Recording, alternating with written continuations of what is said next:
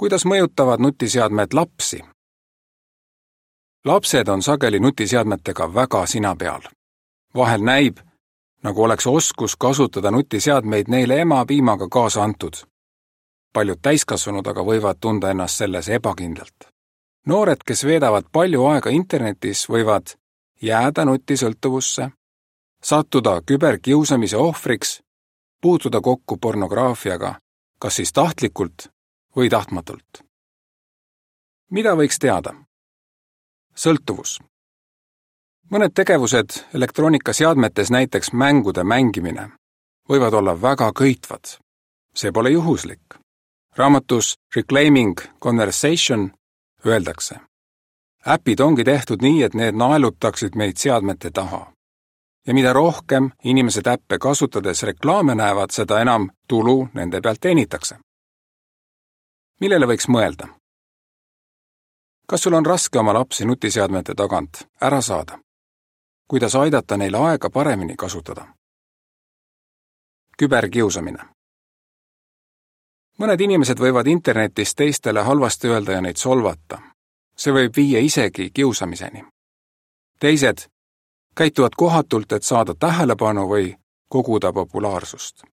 Mõni võtab kiusamisena seda, kui ta on millestki kõrvale jäetud. näiteks pole kutsutud peole millele võiks mõelda? kas su lapsed suhtlevad internetis teistega viisakalt?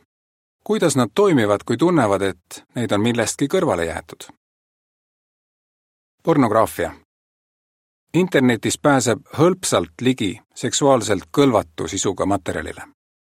vanemad võivad küll kasutada tarkvara, mis blokeerib sellise sisuga saitidele ligipääsu, kuid see ei pruugi tagada täielikku kaitset seksuaalse sisuga fotode või sõnumite saatmine või talletamine võib olla seadusvastane. sõltuvalt kohalikest seadustest ja asjaosaliste vanusest võib selline tegevus liigituda lastepornograafia alla, mis on tõsine kuritegu. millele võiks mõelda? Kuidas sa saad aidata oma lapsel seista vastu kiusatusele, vaadata või saata teistele seksuaalselt ebamoraalseid pilte. mida saaksid ette võtta?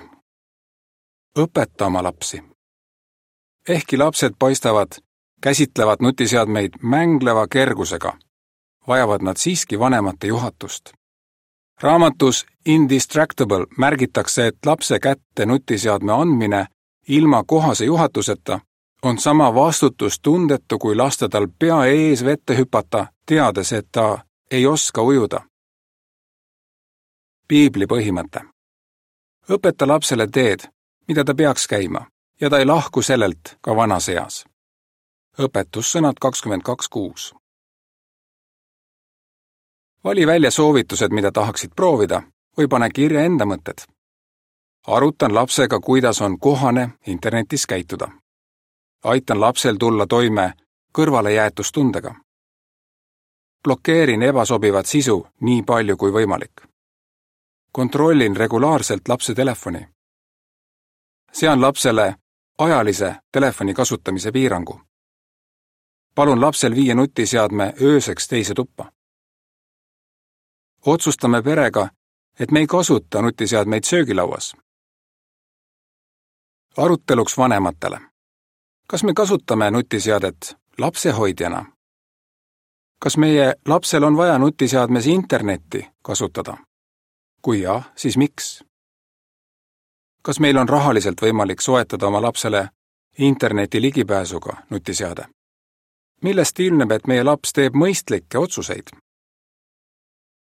millest on näha, et meie laps on vastutustundlik? milliseid reegleid me võiksime seada?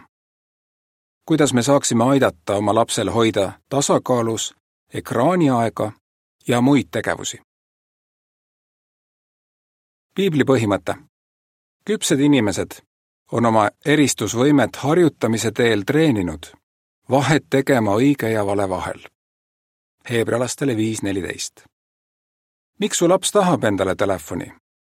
kuidas ta kasutab sinu telefoni? Millistel saitidel ta käib? mis mänge ta mängib? kui pikalt ta tavaliselt nutiseadmes on.